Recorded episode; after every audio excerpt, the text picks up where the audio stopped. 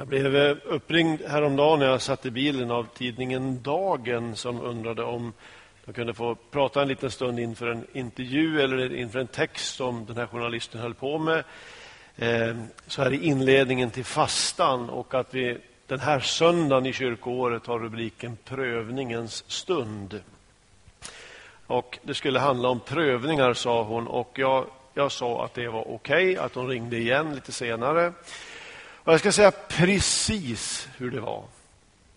Och Det var att jag svarade ja av ett enda skäl och det var att jag hade svarat nej så många gånger så att jag hade inte mage. Men när jag hade lagt på så ångrade jag mig bittert och så satt jag i bilen och tänkte så här, prövningar. Alltså har jag, har jag en enda vettig tanke om det? Nej, tveksamt verkligen. Så ringde telefonen och eh, jag blev så engagerad i detta samtal så att jag missade avfarten till Bengtsfors. Och jag glömde att tanka i Uddevalla som var absolut nödvändigt. Och Det var på håret att jag blev stående någonstans mellan Ödeborg och Hjärtsäter med torr bensintank eller dieseltank. Om inte undret hade hänt att plötsligt ur dimmorna steg Färgelanda fram som en dieselstinn hägring och räddade mig. Men det var någonting med det där. Det var något med detta liksom, processen runt prövningarna som för mig själv blev så nyttig. Jag läser, jag, på säga, jag är kvar där än, inte i Färgelanda men dock i prövningarna. Och jag ska läsa ifrån första Petrus brev, det första kapitlet. Och eh, Det står så här. Välsignad är vår Herre Jesu Kristi Gud och Fader. I sin stora barmhärtighet har han fött oss på nytt till ett levande hopp genom Jesu Kristi uppståndelse från de döda. Till ett arv som inte kan förstöras, fläckas eller vissna och som väntar på er i himlen. Ty Guds makt beskyddar er genom tron fram till den frälsning som finns beredd att uppenbaras i den yttersta tiden. Därför kan ni jubla Även om ni just nu en kort tid skulle få utstå prövningar av olika slag. För att det som är äkta i er tro, och detta är långt dyrbarare än det förgängliga guldet som dock måste prövas i eld, ska ge pris, härlighet och ära när Jesus Kristus uppenbaras. Ni har inte sett honom, men älskar honom ändå. Ni ser honom ännu inte, men tror på honom och kan jubla i outsäglig himmelsk glädje då ni nu står nära målet för er tro, era själars frälsning. Eh, det är, det är någonting som är knöligt med den här texten. Jag kan inte hitta ett bättre ord. Knöligt. Alltså först beskrivs hur genomgripande, starkt Guds verk i Jesus Kristus är. Det är en trippel trygghet som beskrivs. Födda på nytt till ett levande hopp. Födda till ett arv som inte kan förstöras, fläckas eller vissna. Och så det tredje. Guds makt beskyddar oss fram till slutfrälsningen som finns beredd.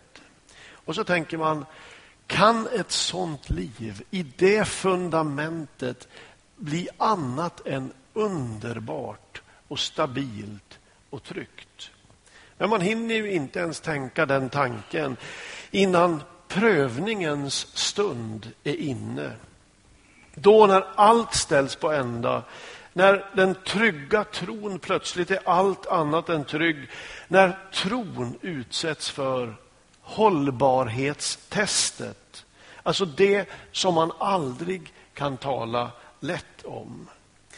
Den process som jag tror kan i våra liv få leda till att man går från att ha Jesus som den sista utvägen till att få Jesus som den enda utvägen. Jag tror att det kan få bli resultatet av den här processen. Det djupa beroendet av Gud. Det som i det kristna livet är eh, mognadens kännemärke. Någonting av det där som luttrade lärjungar till sist utstöter till Jesus. När de säger Herre, till vem skulle vi gå?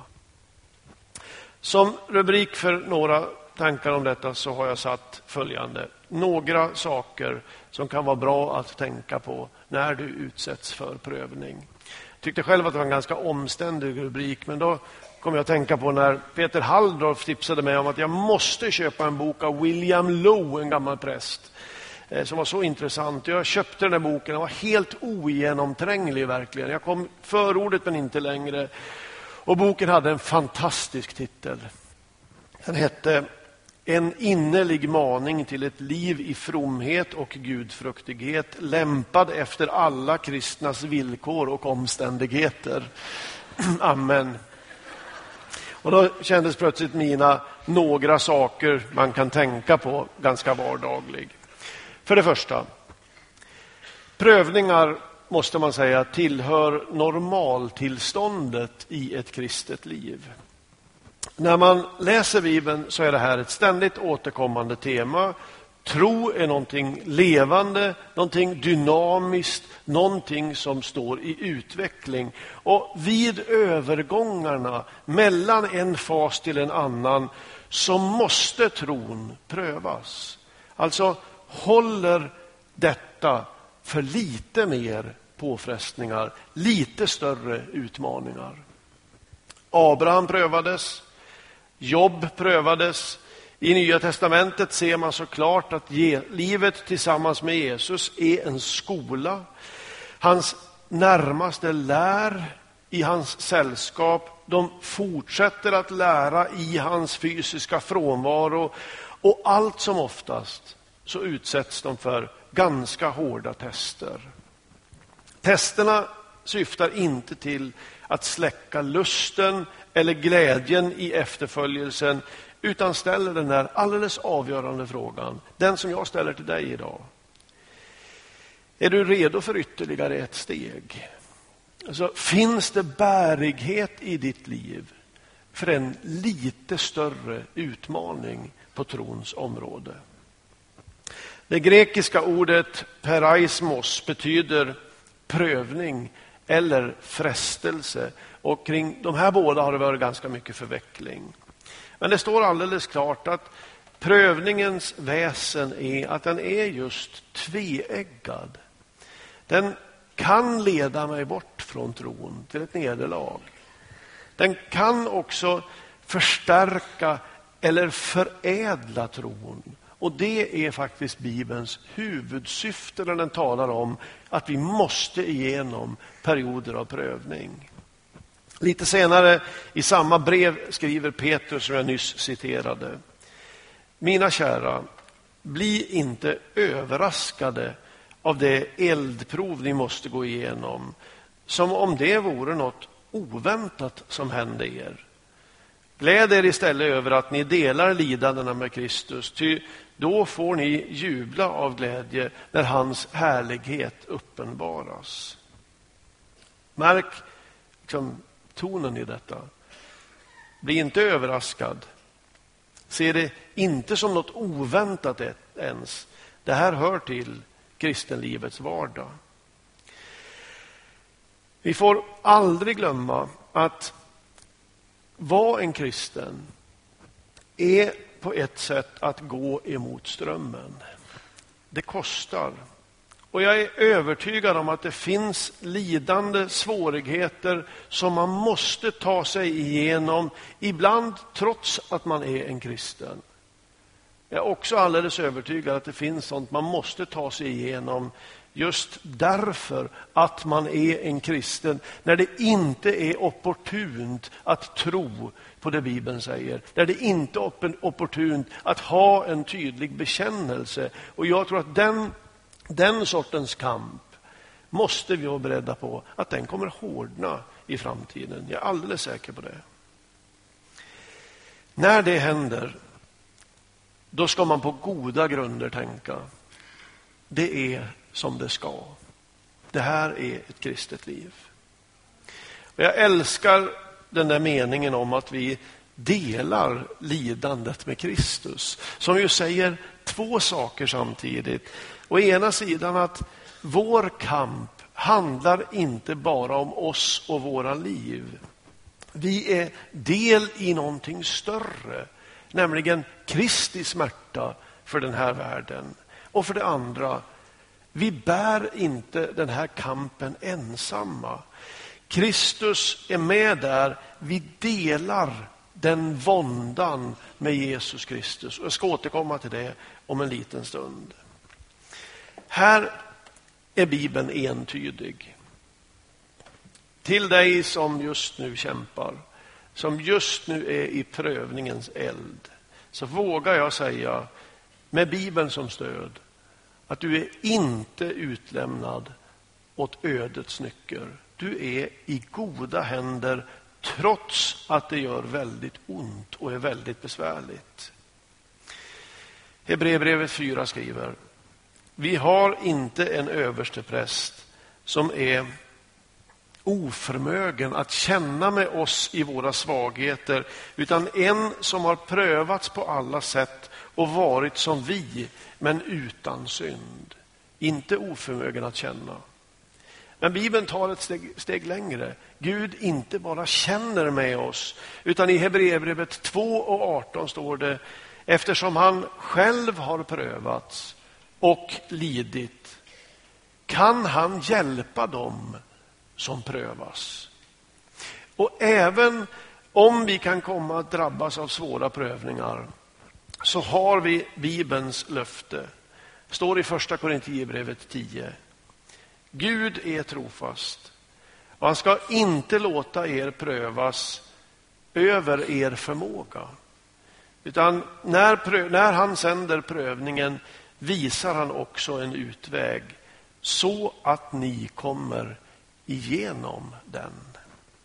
Alltså inte en väg runt prövningen men en väg igenom den som också har en tydlig utgång, en tydlig fortsättning. Och märk hur delaktig och aktiv Jesus verkar vara precis under de faser när vi tycker att han är som mest dold och mest obegriplig. Då arbetar Jesus som närmast oss. Två. Eh, det är inte fel att be om att få slippa slippa prövningen. Det här är ju egentligen en motsägelse. Först säger att det här är det naturliga i det kristna livet. Men jag vill ändå understryka att det inte är fel att be att få slippa den. I den bön som Jesus själv har lärt oss att be, själva grundbönen Vår Fader. Den bön som ju, om man inte lyckas få till någon annan bön i sitt liv, räcker så gott. I den bönen så lär Jesus oss att be Bland annat med orden Utsätt oss inte för prövningar. Åh, vad jag, vad jag gillar den hållningen. Alltså, går det att slippa? Ja, det är klart, då tar jag det. Då, då, då, hoppar vi över prövningen. Om samma resultat kan uppnås ändå. Och när Jesus själv hamnar i sin stora prövning så står det sorg och ängslan kom över honom och han sa till dem min själ är bedrövad ända till döds. Stanna här och vaka med mig. Han gick lite längre bort, kastade sig till marken och bad Fader, låt denna bägare gå förbi mig, om det är möjligt. Men inte som jag vill, utan som du vill. Och Jesus uppmanar faktiskt sina lärjungar mer än en gång att vaka och be just för att inte utsättas för prövning. Jag vet inte vad du tänker, men jag tänker att det är något friskt i det här. Alltså, vi vill glädjen. Vi vill meningsfullheten i våra liv. Allt annat vore något omänskligt. Och jag säger detta därför att jag tycker att det finns strömmar genom kristenheten idag som börjar förhärliga lidandet, förhärliga smärtan som om det vore någonting vi ska söka. Och jag delar inte den hållningen. Jag tror inte att den är biblisk. Vi är kristna, inte stoiker. Och efterföljelsen handlar om att man slår följe med en Gud som bad att få slippa om det fanns en annan väg. Men därför att han inte vek utan också sa, inte som jag vill utan som du vill, så kan du veta på goda grunder, du som plågas just nu, att det finns en gräns för vad Gud tillåter och att i hans hand så kan den prövningen med tiden vändas till någonting som du inte längre bara kan beskriva i negativa termer. Om den processen kan man aldrig tala fort och kvickt. Men med Bibeln i hand så är det vår uppgift att påminna varann om att det är så. Och så det tredje. När prövningen rasar är Bibelns råd att se framåt mer än att se bakåt. När den där prövningen kommer så ligger det nära till hands att man börjar söka orsaken till det man är med om hos sig själv. Jag vet inte om du känner igen detta, vi är ju mästare på det. Och eftersom vi alla är ofullkomliga, det finns så mycket i oss som är vackert, men det finns också i oss så många smutsiga hörn och vrår. Det finns så mycket blandade motiv. Så lyckas ju skammen alltid hitta motiv för varför mitt liv ser ut som det gör just nu. Ja, jag har ju naturligtvis inte varit Guds bästa barn. Om folk visste vem jag är så skulle de väl inte tycka att det är konstigt heller. Men obs! Prövningen är inget straff. Prövningen är en hållbarhetstest. Det är en skola. Och det ligger någonting i det här att kunna glädja sig åt prövningen som Jesus säger som alltså handlar om en annan hållning än att man ska vara lycklig över att man är mitt uppe i det. Kanske handlar det mer om att man ska öva sig att inte skämmas. Inte skämmas för att man är människa, inte skämmas för att man har det som man har det, utan våga tro att någonstans så har Gud sin hand också i detta. Saliga är ni om ni skymfas för Jesu namns skull. Ty härlighetens ande, Guds ande, vilar över er. Och märk, det får inte hända att någon av er måste lida som en mördare eller en tjuv därför att han gör något, något annat ont eller blandar sig i andras angelägenheter. Men lider han som kristen så ska han inte skämmas utan förhärliga Gud. Alltså, gräv inte i dig själv och i det förflutna. Det ger bara näring åt skammen. Se istället framåt. Och jag tror att här någonstans så så har Bibeln någon anda av att när den talar om detta så ska jag inte förenkla det som händer, men lite rikta blicken längre fram mot den glädje som ska komma om jag härdar ut med Kristi hjälp. Petrus skriver faktiskt att vi ska jubla i outsäglig himmelsk glädje. Så undrar jag, kan det finnas en viktig ledtråd i det där sista. Att om jag bara håller mig nära Kristus så står jag hela tiden, oavsett känsla, i kontakt med en himmelsk källa. Även om mörkret kvarstår står jag i kontakt med en himmelsk glädjekälla. Och märk att den glädjen sägs vara outsäglig. Alltså, kanske inte någonting man ska basunera ut. Men var rädd om som en hemlighet mellan Jesus och dig. djupt där inne så finns den källan. För det fjärde. Prövningen kan vara ett sätt att uppmärksamma oss på större hot mot vårt liv än själva prövningen. Alltså, som att prövningen har en, en signal i sig, ett budskap i sig. Så här tror jag att när mörkret drar in över ens liv, det kanske är på tusen sätt, så måste man först få förtvivla, sucka och sörja. Mönstret från Jesus är tydligt. Kan denna bägare gå ifrån mig? Det här kanske handlar om integritet, om värdighet. Jag står inte inför Gud med mössan i handen och ler åt allt elände som sveper in i världen.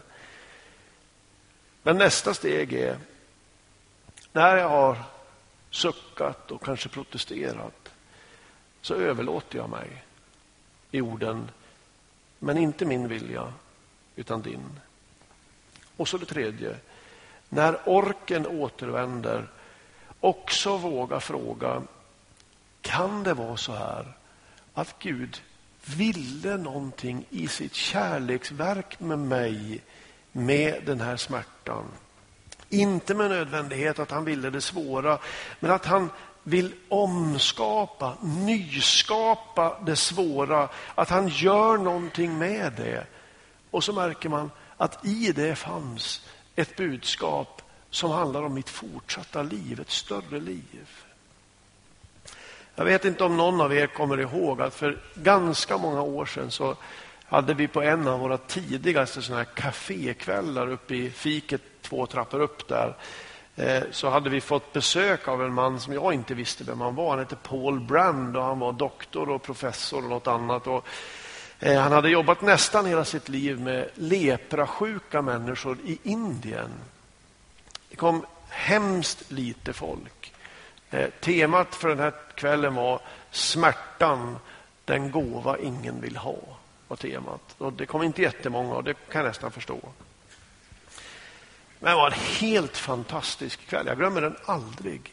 Hur han berättar om sin stora upptäckt om smärtan bland de leprasjuka. Hur han och hans fru bygger ett lepracenter. De gör, bygger ut sitt hem och tar emot leprasjuka människor som ju fortfarande har varit betraktade som spetälska, som ingen vill röra vid, som, som sägs vara smittsamma och allt detta.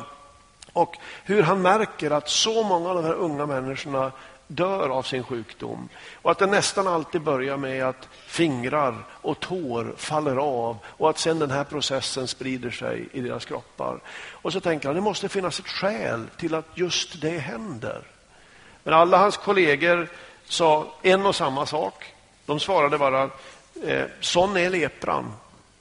Det blir så. Men Paul Brandt nöjde sig inte med det. Han ville veta varför. Och därför bad han de här unga pojkarna som bodde tillsammans på en ganska stor anläggning att under dagarna när de jobbade i verkstäder, när de jobbade ute på åkrarna så sa han studera varandras händer och fötter. Försök göra det. Och se om ni kan hitta någon ledtråd. Är det någonting som händer med era händer och fötter? Och efter en stund så visade sig det att den ena pojken efter den andra kom och rapporterade. Jo, jag såg att han och han fick en liten flisa, en liten metallflisa i fingret eller en trästicka i fingret. Och problemet var att lepran hade gjort att man hade ingen känsel i, i sina fingrar och i sina fötter. Därför kände man inte att man hade fått ett angrepp. Smärtan saknades. Och därför gick det som det gick. Jag tror den mest rörande berättelsen var när han berättade om den unga pojke som hade varit länge, läkt ihop så fint och som för första gången skulle få lämna leprakolonin och resa hem till sin mamma och pappa en helg och få bo hemma och sen komma tillbaka. Och Han var så lycklig. Men han kommer tillbaka från den där helgen som en fullständigt bruten ung man. Han visar på sina händer där Fingrar saknas. Han berättar om att han har sovit på en alldeles ny madrass i hemmet, på golvet. och inte märkt att under natten så har en råtta kommit och ätit av honom fingret. Han har inte känt någon smärta. Natten därpå så sätter han sig ute med en oljelampa och en bok för att vara beredd och somnar på sin post och märker inte att handen faller mot oljelampan och bränner bort ytterligare ett av hans fingrar. Och när han kommer tillbaka till leprakolonin så har han ett enda budskap. Han uppsöker Paul Brand och så säger han Du måste hjälpa mig ur mitt fängelse. Och Paul Brand säger Vad är det för fängelse? Det är smärtlöshetens fängelse, svarar han. The prison of no pain. Precis det här perspektivet finns i Bibeln. Det händer att smärtan räddar livet. Att prövningen ibland kan vara en signal som varnar för större hot i tillvaron och därför ska jag ta den på allvar och också våga fråga, kanske inte precis på en gång, men med tiden. Är det så att Gud vill någonting med det här? Någonting som har med mitt liv att göra, ett större liv att göra, ett kärleksverk.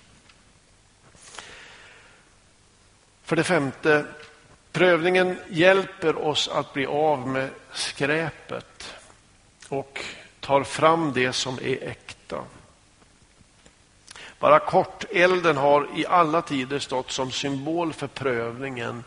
Och ni vet att i elden, i hettan, så skiljs skräpet, slaggen från de ädla produkterna, de ädla metallerna. Och inte för intet har elden blivit kampens element.